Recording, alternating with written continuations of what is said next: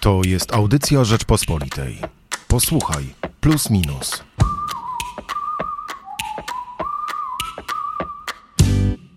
Michał Płociński, redaktor magazynu Plus Minus. Zapraszam. Dziś porozmawiamy o końcu pewnej Rosji. Będzie z nami Zuzanna Dąbrowska, dzięki której w najnowszym wydaniu naszego magazynu ukazał się niesamowity tekst Julii Wojewskiej, mieszkanki Moskwy, która ma jednak polskie korzenie i o której nieco więcej opowiemy razem z Zuzanną Dąbrowską. Ale też posłuchamy Kateryny Suchomłynowej, radnej Mariupola, ratowniczki Maltańskiej Służby Medycznej, która w oblężonym Mariupolu spędziła trzy tygodnie to nagranie wywiadu, który przeprowadziłem z nią tuż po tym, jak złożyła swoje zeznania już w Warszawie w Centrum Dokumentowania Zbrodni Rosyjskich w Ukrainie imienia Rafała Lemkina. Takie centrum powołane zostało przez Instytut Pileckiego. Rozmowa w całości, nawet uzupełniona o fragmenty tych wstrząsających, od razu Państwu zdradzę, zeznań Kataryny, do znalezienia będzie oczywiście w nowym plusie minusie. I przyznam Państwu, że choć sam z Kateryną rozmawiałem, potem przecież odsłuchiwałem ten wywiad e, wiele razy, spisując go, wywiad pełen bardzo mocnych emocji, później go redagowałem, wielokrotnie przecież jeszcze czytałem przed tym, jak on poszedł do druku. To gdy dziś rano wziąłem do ręki gotowy już magazyn, usiadłem z nim w kawiarni i przeczytałem tę rozmowę kolejny już przecież raz w papierze, to całkowicie się rozkleiłem, szczególnie jak czytałem fragment zeznań. Także zupełnie szczerze bardzo ten wywiad polecam. Oprócz tego w najnowszym magazynie Plus Minus Piotr Zaręba tonuje hiperoptymistyczne nastroje w Polsce w tekście Nie wlewajmy Dniepru do Wisły.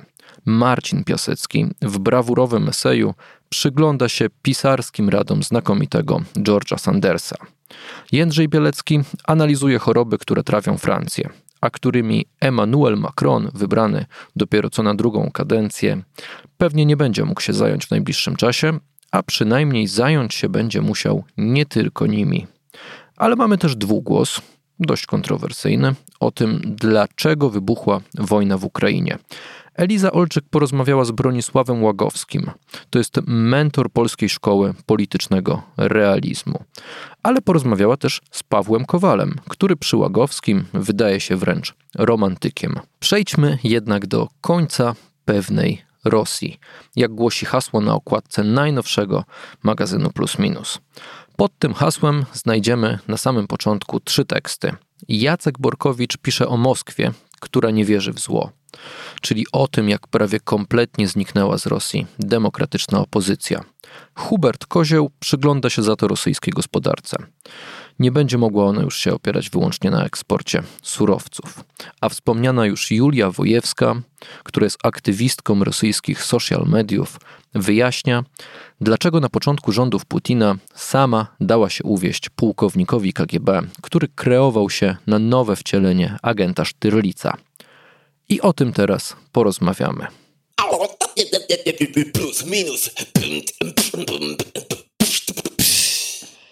A z nami jest już Zuzanna Dąbrowska z działu krajowego Rzeczpospolitej. E, Dobrze. Przepraszam, że wszedłem ci w słowo, ale porozmawiamy sobie dzisiaj nie o tekście z działu krajowego, a oczywiście z plusa minusa. E, jesteś, e, można powiedzieć, redaktorką i tłumaczką tekstu Julii Wojewskiej pod tytułem 17 mgnień e, Putina.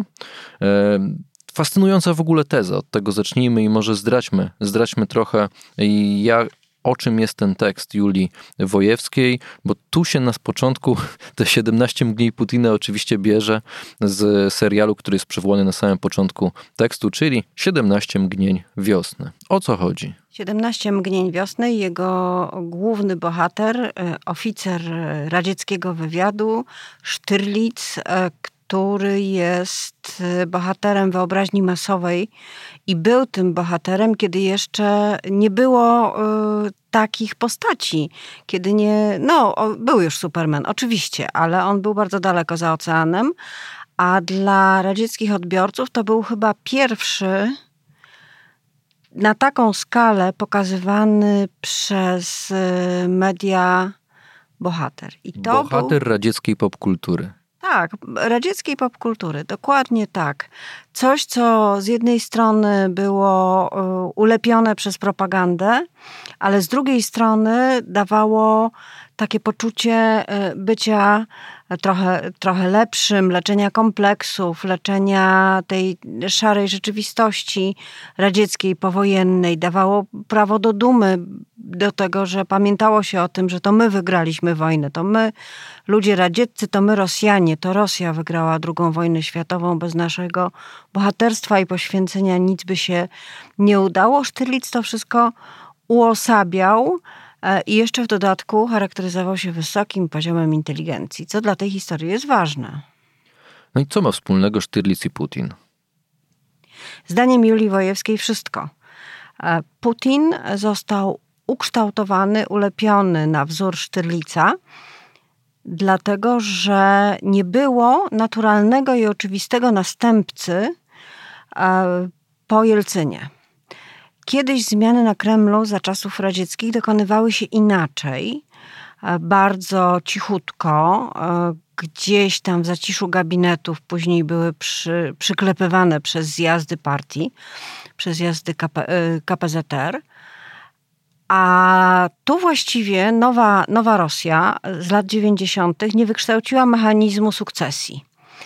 Trzeba było coś wymyślać. I y, Julia Wojewska pisze o badaniach socjologicznych, które zostały przeprowadzone, o tym, kogo Rosjanie chcieliby widzieć w roli następcy Jelcyna. No, wygrał, co, y, jak twierdzi autorka, dość oczywiste, Piotr Wielki ale z nim był kłopot, bo jakoś mało było postaci formatu Piotra Wielkiego w okolicy e, Kremla. A poza tym, no nie można zapominać o tym, że Piotr Wielki chciał być Europejczykiem i chciał, by Rosja była państwem europejskim. Jak to realizował, co się z tym potem stało, to jest zupełnie inna historia. Ale y, otwierał okno na Europę. Tak się, tak, tak się zresztą o tym y, mówiło. Mm, no więc nie Piotr Wielki. A drugi, no drugi był oficer. Oficer wywiadu, postać filmowa, czyli Sztyrlic. Zaczęto więc szukać Sztyrlica i Sztyrlic się bardzo szybko znalazł. Był to e, Władimir Putin, e, który jeszcze e, do, do niedawna jako wyzwolony z takich sztywnych ryzów razwiedki, czyli z tego, z tego munduru i postawy Ruki Paszfam, E, załapał się na te lata 90. takie. Malinowe marynarki, złote guziki. No właśnie, widzę, że zrobiło to na tobie wrażenie. Na mnie też, jak sobie wyobraziłam Władimira Putina w malinowej marynarce ze złotymi guzikami, to yy, aż, aż się uśmiechnęłam do siebie, ale yy, podobno taką nosił, czy prawie taką. Szybciutko się przebrał na czas, na czas, by zostać yy, agentem wywiadu. Na powrót. Na powrót w znakomicie skrojonym garniturze, e, przechodząc dziarskim krokiem z korytarza w korytarz, no właśnie, i już na Kremlu. E, I on e, zastąpił Sztyrlica w masowej wyobraźni. To wszystko było stopniowo. Julia Wojewska opisuje ten proces. Mówiąc jednocześnie dość uczciwie, że gdyby sięgnąć pamięcią do początków, do na przykład roku 2000, do 2001, no to trzeba uczciwie stwierdzić, że y, ona sama mu wierzyła, że sposób komunikowania się z ludźmi, sposób prezentacji tego, e, o co Putinowi chodzi, był zupełnie inny, ale najważniejsze jest chyba to, że treść była zupełnie inna.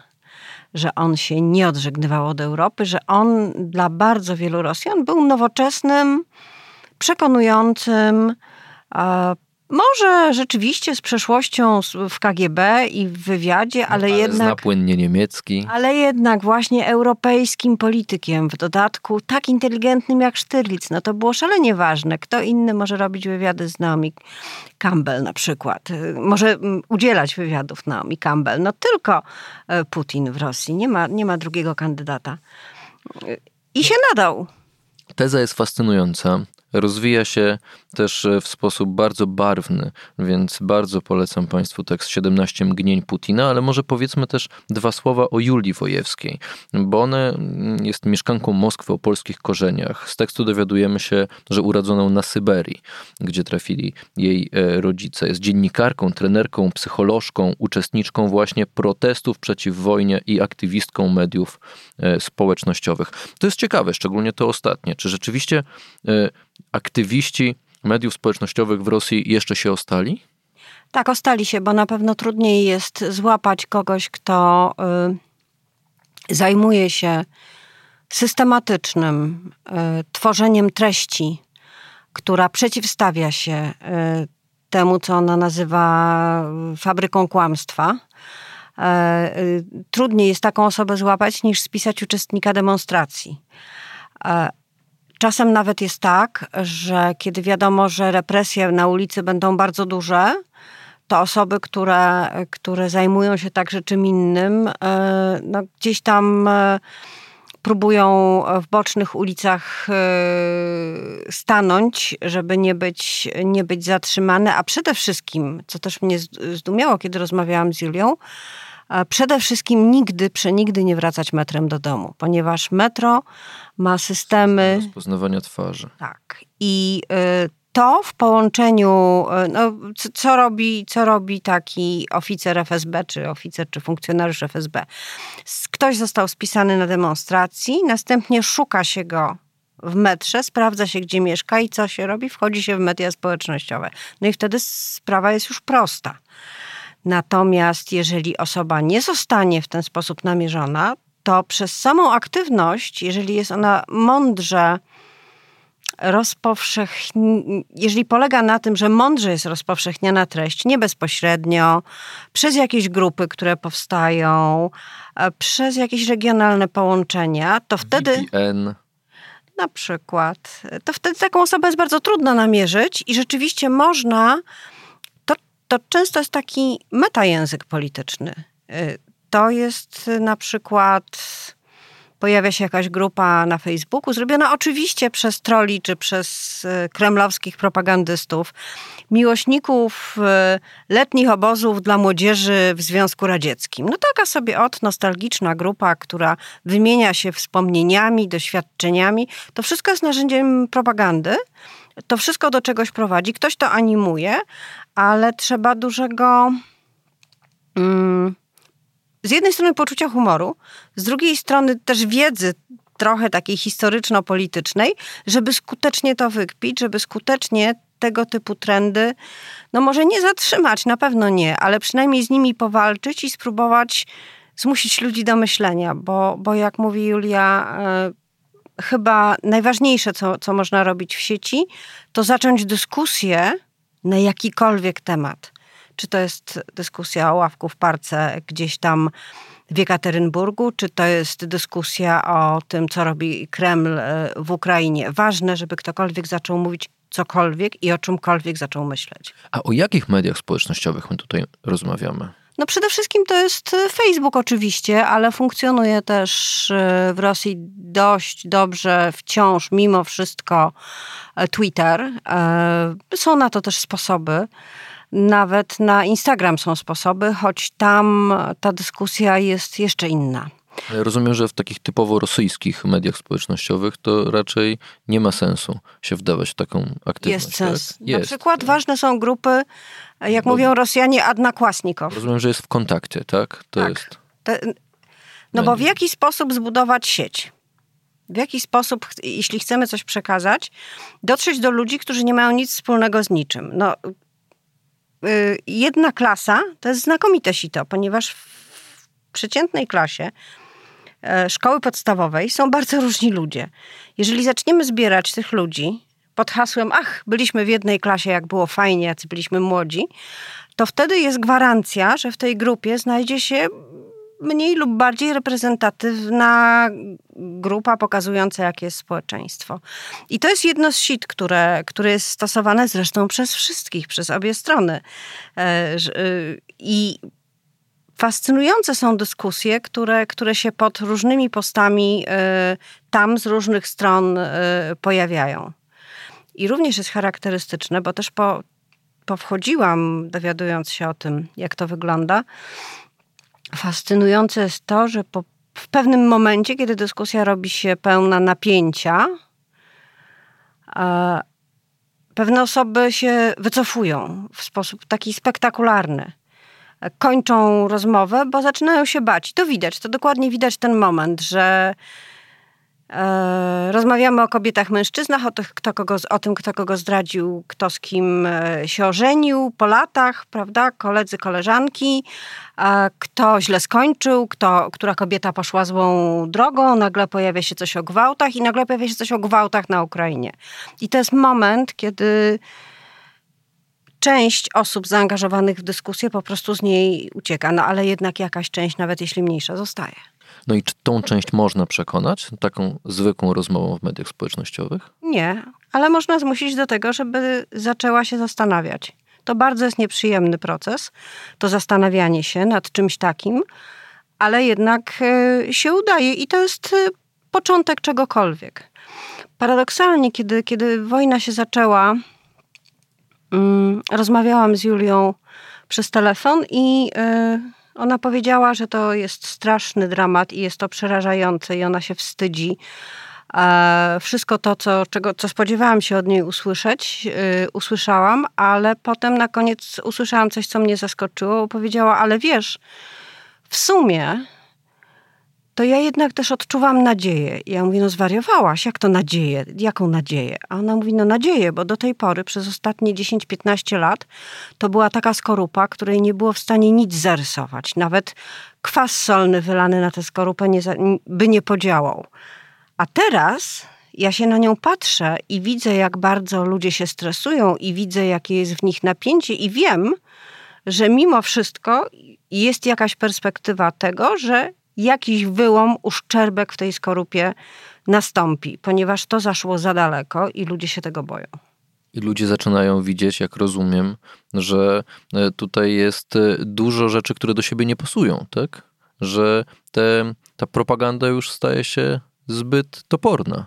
Ludzie wiedzą, że to jest propaganda. Tu nikt, nikt chyba nie ma większej wątpliwości, ale dokonują wyboru. Albo chcą się tą propagandą karmić, i to jest wybór. Albo nie chcą i wtedy zamykają się w sobie, a jeżeli bardzo nie chcą, wtedy zaczynają coś z tym robić i to jest ta zdecydowana, zdecydowana mniejszość.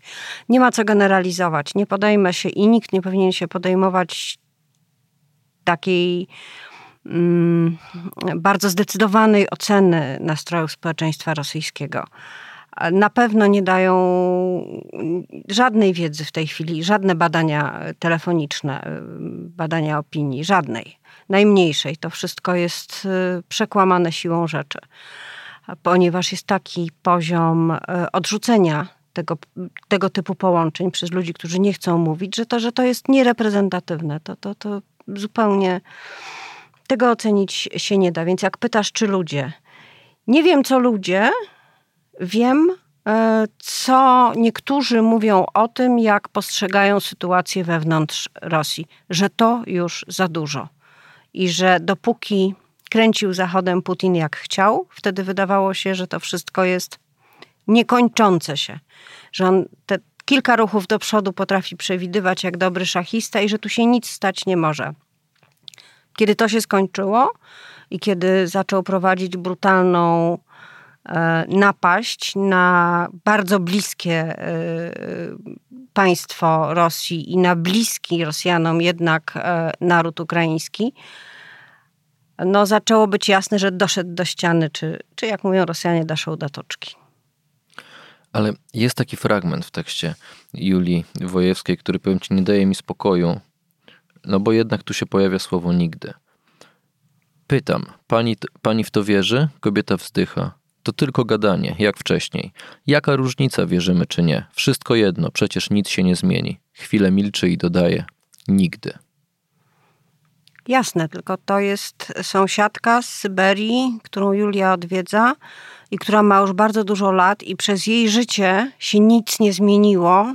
Była zawsze jakaś władza, i ta władza zawsze gadała, i zawsze to było obok niej, a ona zawsze w tej samej nędzy, w drewnianej takim drewnianym właściwie baraku, w bardzo mało przyjaznym klimacie e, mieszkała, żywiąc się ziemniakami.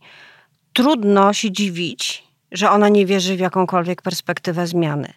Ale społeczeństwo rosyjskie jest bardziej zróżnicowane. I są tacy, którzy zapewne już nie powiedzieliby nigdy. Zuzanna Dąbrowska, która przetłumaczyła tekst Julii Wojewskiej 17 mgniej Putina, była naszym gościem. Bardzo dziękuję. Dziękuję. A na koniec posłuchamy jeszcze Kataryny Suchomłynowej, radnej Mariupola.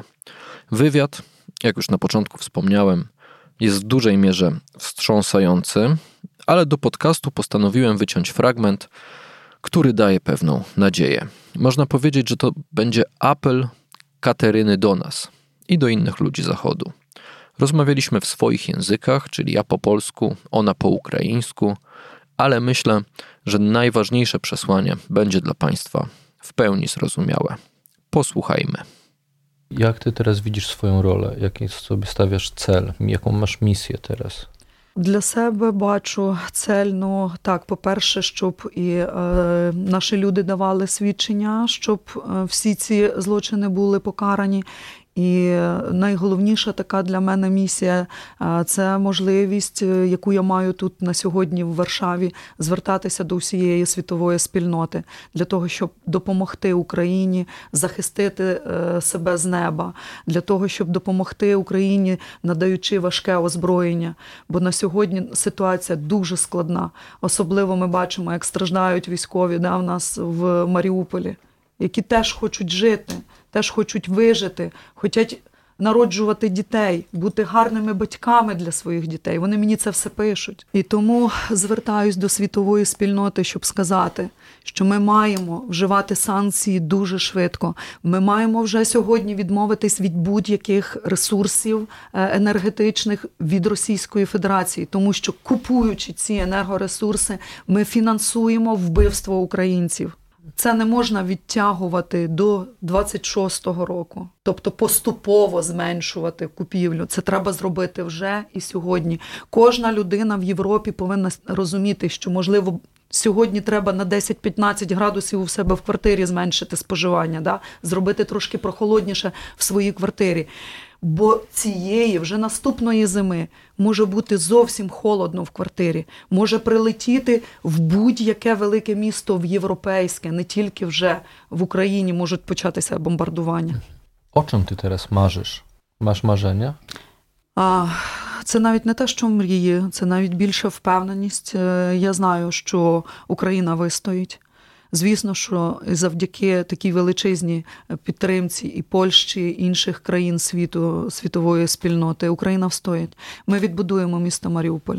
Ми повернемося. Я кажу, що навіть втративши сьогодні все. Українці не зламані, а вони точно повернуться і відбудують свою Україну для своїх дітей, бо то є наша земля, і ми готові боротися за свою землю.